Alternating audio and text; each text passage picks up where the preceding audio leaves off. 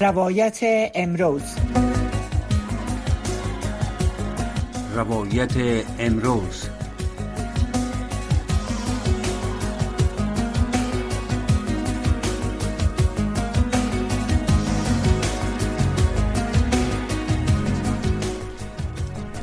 بینندگان محترم شنوندگان محترم سلام. به برنامه روایت امروز خوش آمدین نجیب خلیل هستم. طبق معمول روزای سهشنبه برنامه روایت امروز روی موضوعات مرتبط و زنان اختصاص میدیم.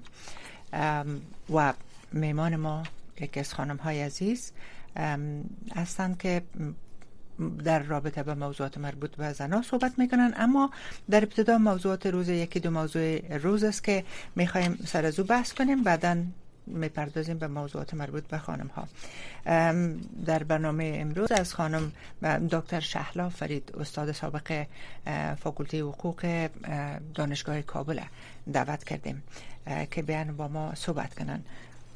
خانم فرید سلام به شما. خوش آمدین به برنامه. من سلام و احترامات تقدیم می‌کنم. امیدوار هستم روز خوب را آغاز کرد وزیر ما رو بخواین برای که در آخرین لحظه من میفهم که شما یک ذره صحتتان هم خوب نیست ولی پذیرفتین دعوت ما را. میمان دیگه که ما قبلا کسشون صحبت کرده بودیم فکر می‌کنم مشکل تلفنی داره نتانستن و شما لطف کردین. مثل همیشه دعوت ما را پذیرفتین. ما خانم فرید عزیز یکی خوب بحثی درست پیش ما شما در برنامه تلویزیون یک مختصر صحبت سرزی داشتیم. امی مسئله عدالت اجتماعی را سرش بحث کردیم. من می‌خوایم که خب البته برای بیننده ها و شنونده هایی که نتونستن او برنامه را بشنون نظریات شما رو در اونجا. می‌خوایم در بحث کوتاه سرش داشته باشیم. خودمی عدالت اجتماعی تعریفش از نظر شما چی است؟ ببینید اجتماع ترکیب از گروه های مختلف انسان ها یا مردم هستند که به های مختلف اینا زندگی می‌کنن. هرگاه تمام از این مردم در یک جامعه یا در یک اجتماع با روی کرد سیاسی بتانن به تمام حقوق اساسی خود دسترسی مساوی داشته باشه و هیچ نوع مشکلات تناقضات از لحاظ خواسته هاشان از توسط کرده های سیاسی به وجود نبیه در یک جامعه ما میگیم که عدالت اجتماعی حاکم است ولی عدالت اجتماعی یک پدیده نسبی هست. تا قرن 21 هم ما نمی‌تونیم در این قرن 21 هم ما نمی‌تونیم جامعه را مثال بدیم که صد فیصد عدالت اجتماعی در او حاکم باشه. ولی حاکمیت نسبی از او قابل دسترسی است.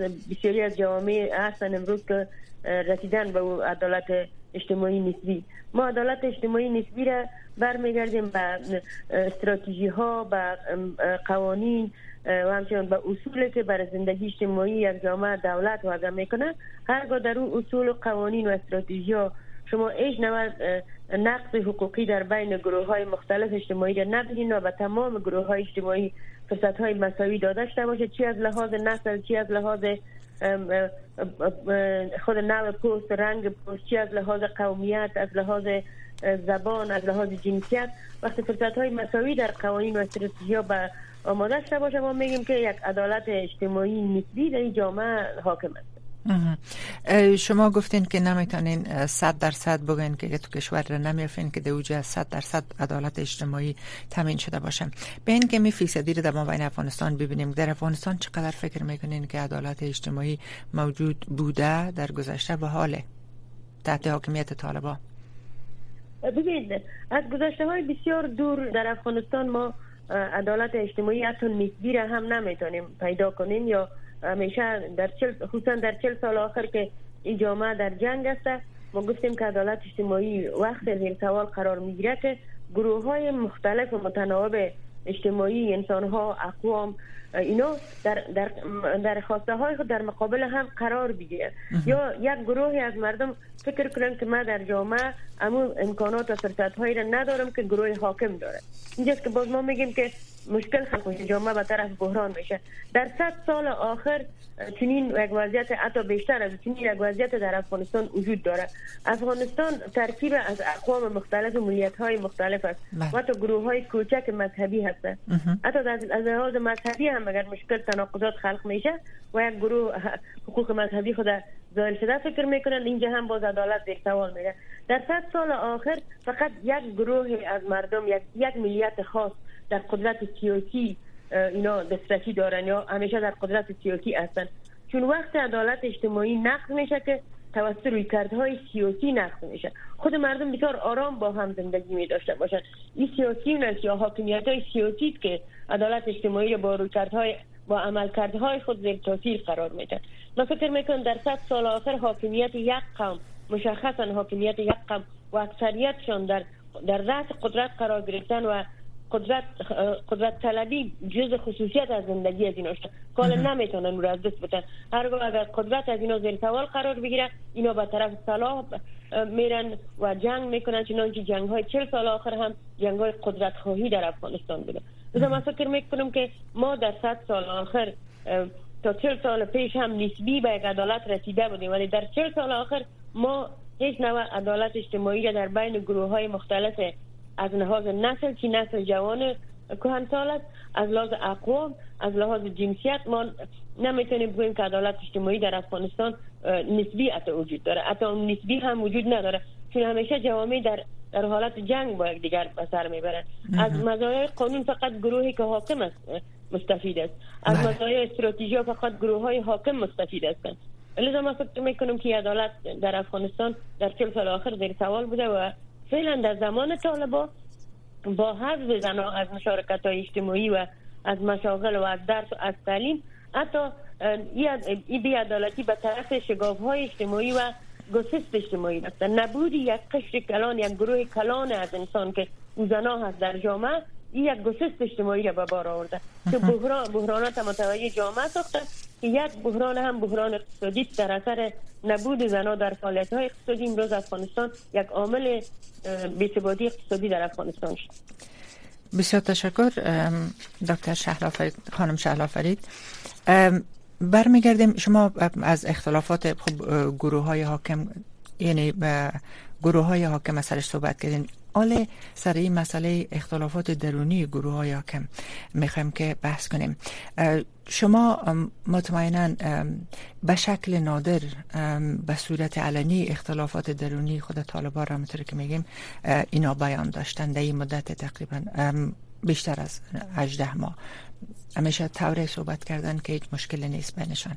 اما هفته پیشتر دیدیم که سراج الدین حقانی وزیر داخلی طالبا در اونا در یک گرده همایی خوست گفتن که رهبریت و متهم ساخت به انحصار قدرت و همچنان گفت که می وضعیت کنونی قابل تحمل نیست. این هفته قبل بود.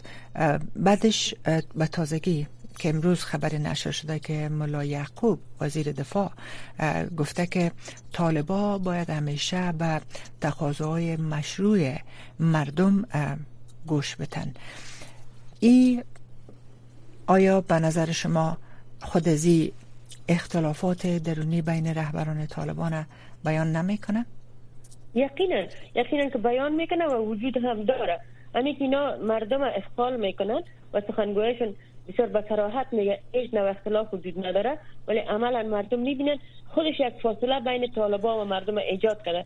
چون مردم در افغانستان به مو درک سیاسی و اجتماعی خود رسیدن.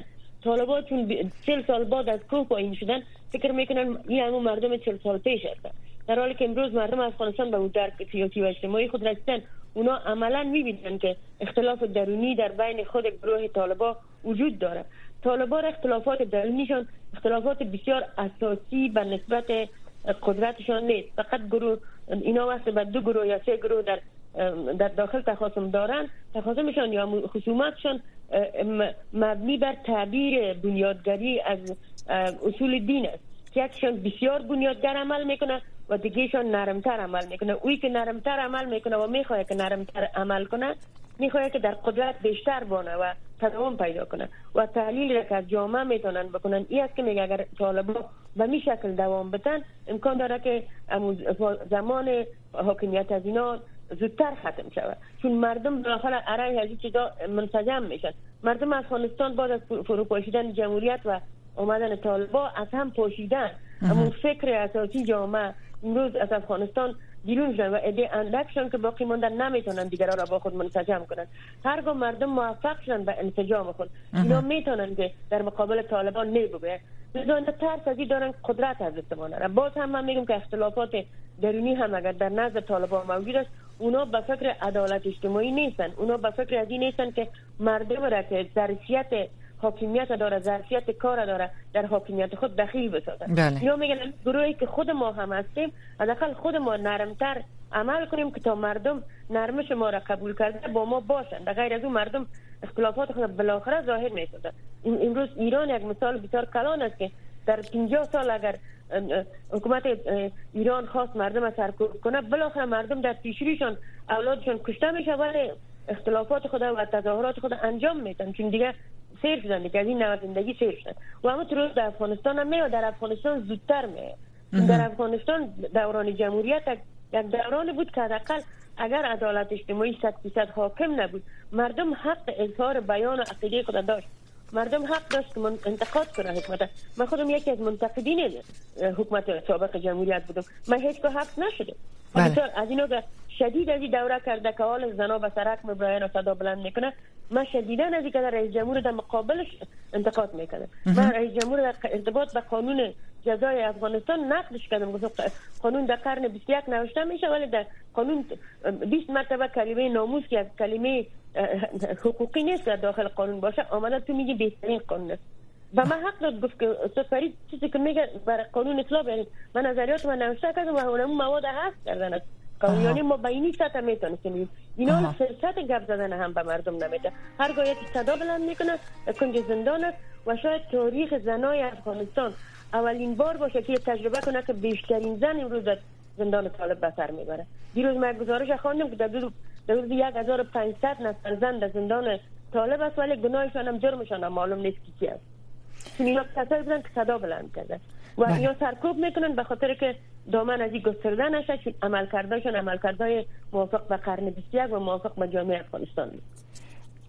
شما یک موضوع جالب مهم سرش بحث کردین مسئله رضایت مردم که شرط اساسی بقای یک حکومت است.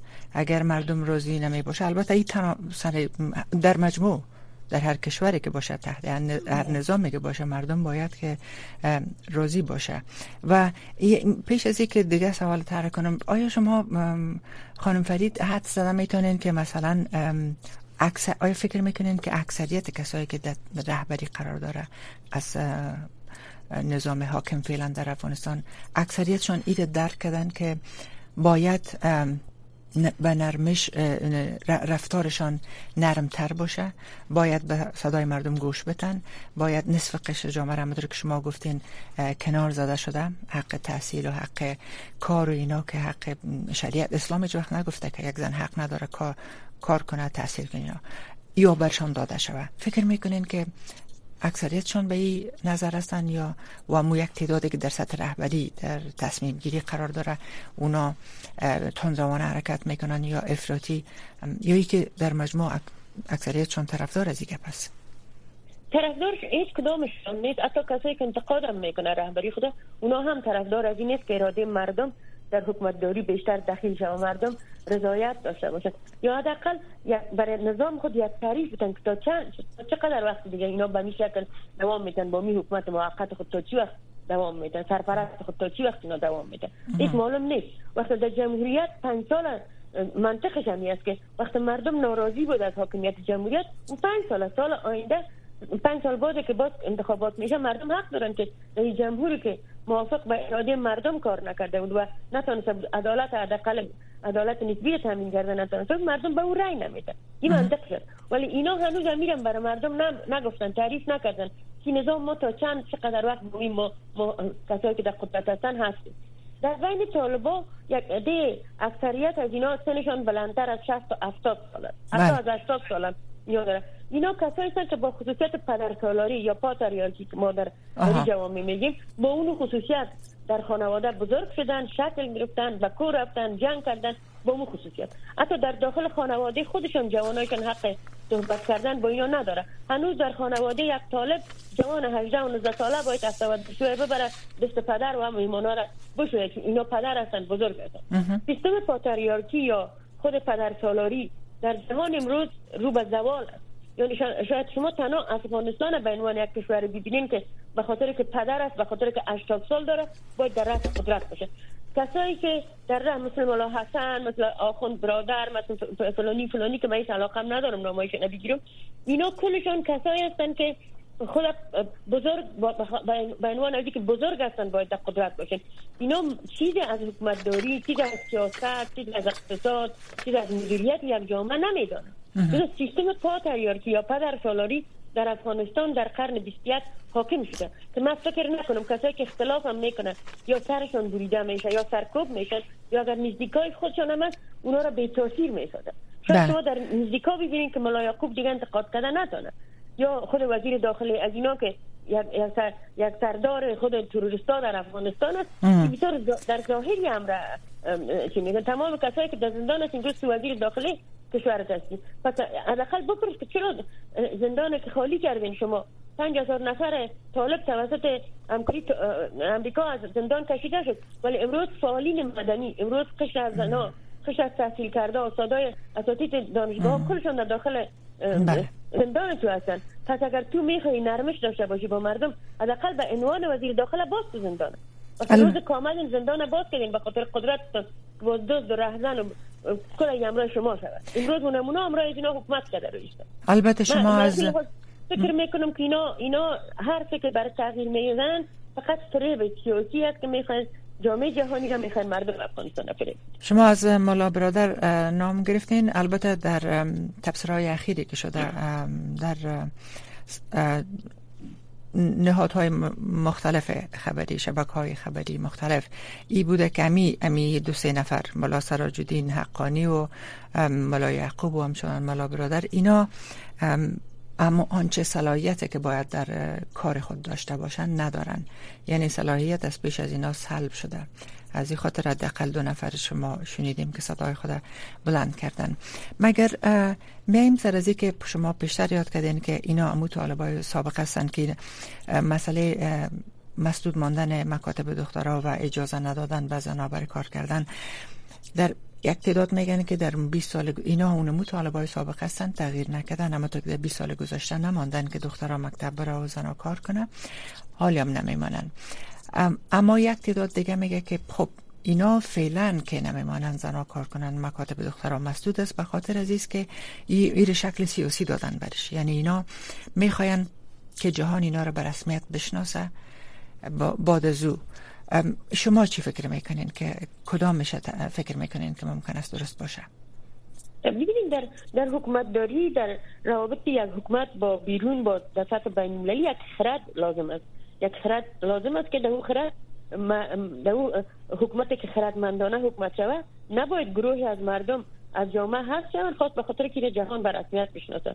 اگر چنین عمل کرد کنه پس حکومت طالبا بخردتر از حکومت است که قبل از اینا بوده. خرد در رابطه به حکومت از اینا در رابطه به عملکردهای سیاسیشون وجود نداره. وقتی ابزار سیاسی میتازن یک گروه وسیله. وقتی یک روز از عمر تحصیلی یک فرد در جهان در حتی کشورهای همسایه افغانستان کم میشه یک روز رخصتی میشه حکومت ور خطا میشه که امروز چرا اهل بله. معارف به معارف نرفت مکاتب نرفت. چرا اهل تحصیلات عالی به پانتونا نرفت؟ چرا؟ مثلا من بارها در زمان جمهوریت وقت پنج دقیقه در صف نمی‌رفتم.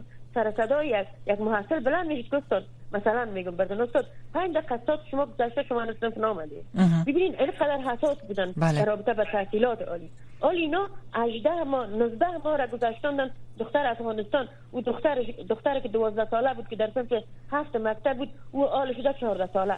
آل ضرور است که 14 ساله بره در صنف 6 یا 5 بشینه درس بخونه. وقتی دو سال بعد تو مکتب باز می‌کنی. اگر با می بخردی طالبا. جهان اینا را به رسمیت می‌شناسه که افزار ساخته زنا را و, و وسیله ساخته زنا را. با جهانی را به رسمیت می‌شناسه که دروازه مکاتب باز که اینا باز نمی‌کنه پس بخردی در سطح جهان باز ما نمیشونیم بپذیریم.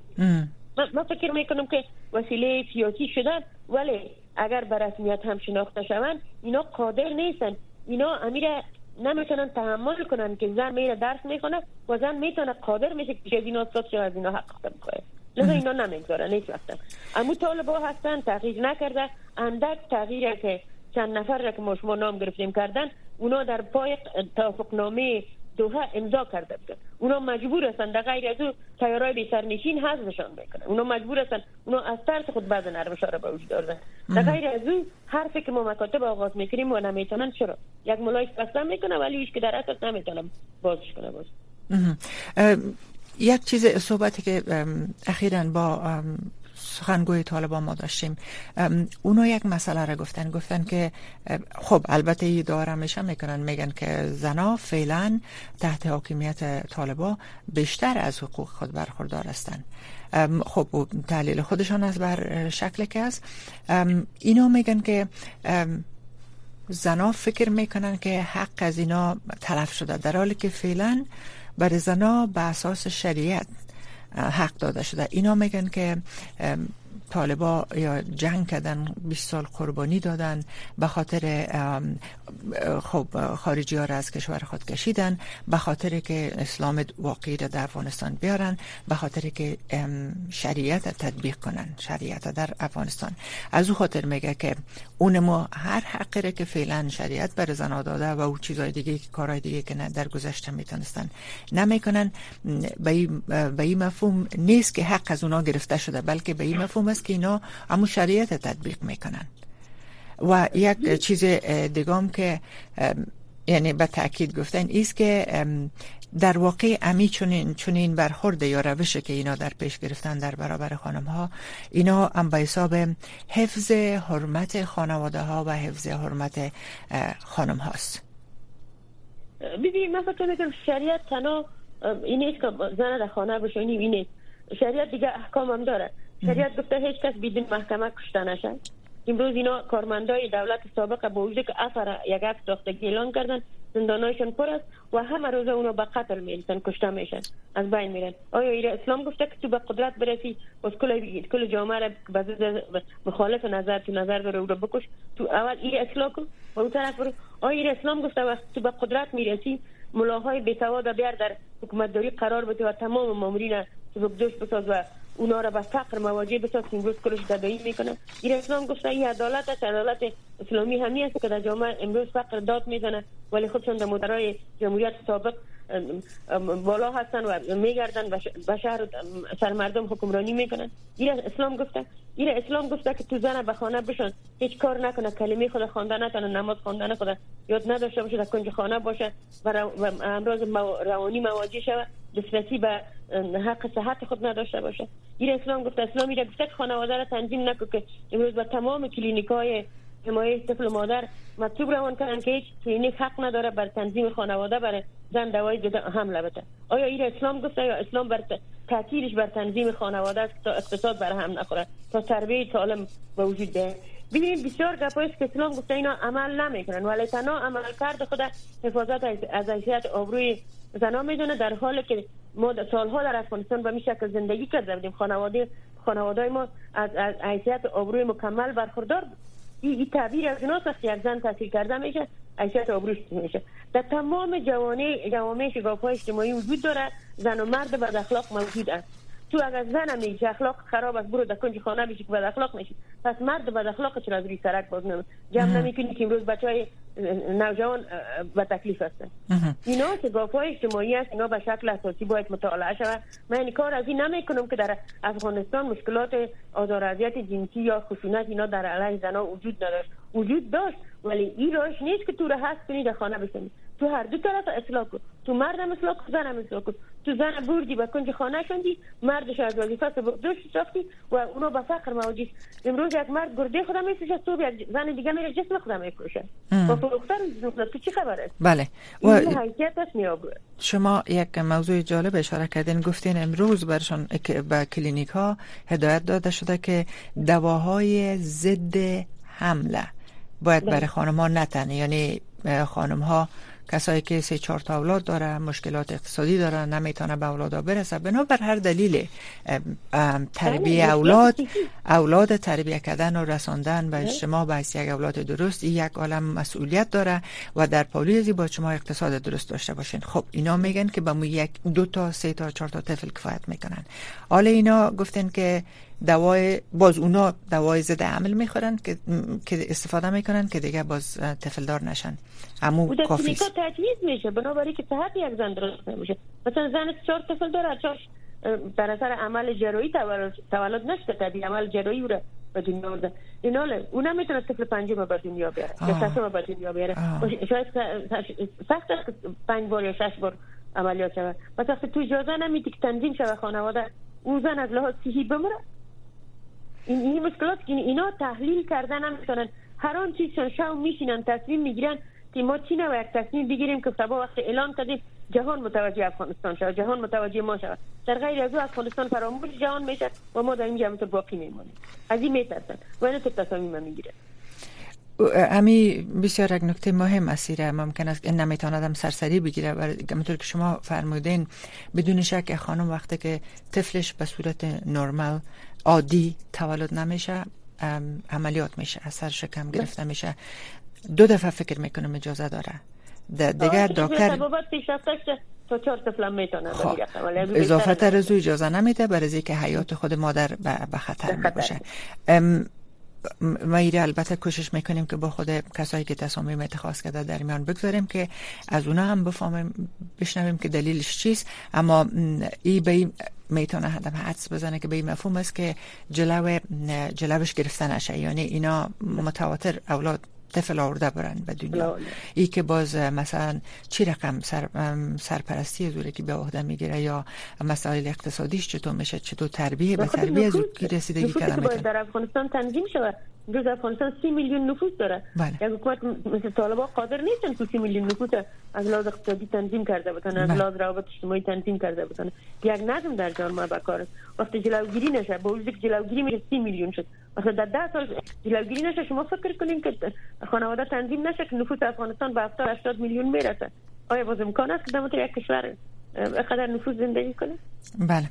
تشکر از موضوع تقریبا خارج شدیم. به دو مسئله رو می‌خواستم در خلال گپایتان یکی گفتن که اینمی آدمای بی سواد گرفتن آوردن سر قدرت شوندن یعنی بر کارهای دولتی گماشتن که البته اونا دلیلشان نیست که اینمی مردم در ظرف بر مدت 20 سال اینا در کو بودن خاک خوردن اینا مبارزه کردن جهاد کردن علیه کفار کشور خود پس گرفتن آله باید که مستحق هستن. یکی دلیل البته یادم است که گفتن اینا. و دیگه ای که امی مسئله که خانم ها را کنار زدن و از اینا را نمیمانن که کار کنن و درس بخوانن دیگه با گفتن که سری مس... ما تو سوال پرسان کردم ازشان که خب اینا میگن حفظ حرمت آیا اینا حق به این معنی است که کار نکنن از خانه نبراین پارک نرن اینجا باز اونا گفتن که سر از این مسائل کار می‌کنن. یعنی نمیفهم در قسمت مکاتب اگر شما باید داشته باشن گفتن سر نصاب درسی کار می‌کنن تغییر میتن چون نصاب قبلی اسلامی نیست. و در قسمت حتی زنا رفتن به پارک ها و تا های عمومی گفتن فعلا سر اینا سر این مسائل کار می‌کنن که شرایط در اونجا مساعد شود. یعنی مو شرایطی که به حساب دین و اسلامی و شریعت میگه بساس از او برابر شود. بعد از اینا البته اجازه برشان در نهایت داده میشه. همین چیزی که اینا اخیرا اما سخنگوی طالبا با با ما در میان گذاشتن. خانم فرید شلا فرید جهان سپاس از وقتتان. بازم از شما تشکر. امید شفای عاجل براتان می‌خوایم. تشکر. انشالله در برنامه آینده بازم با شما خواد بودیم.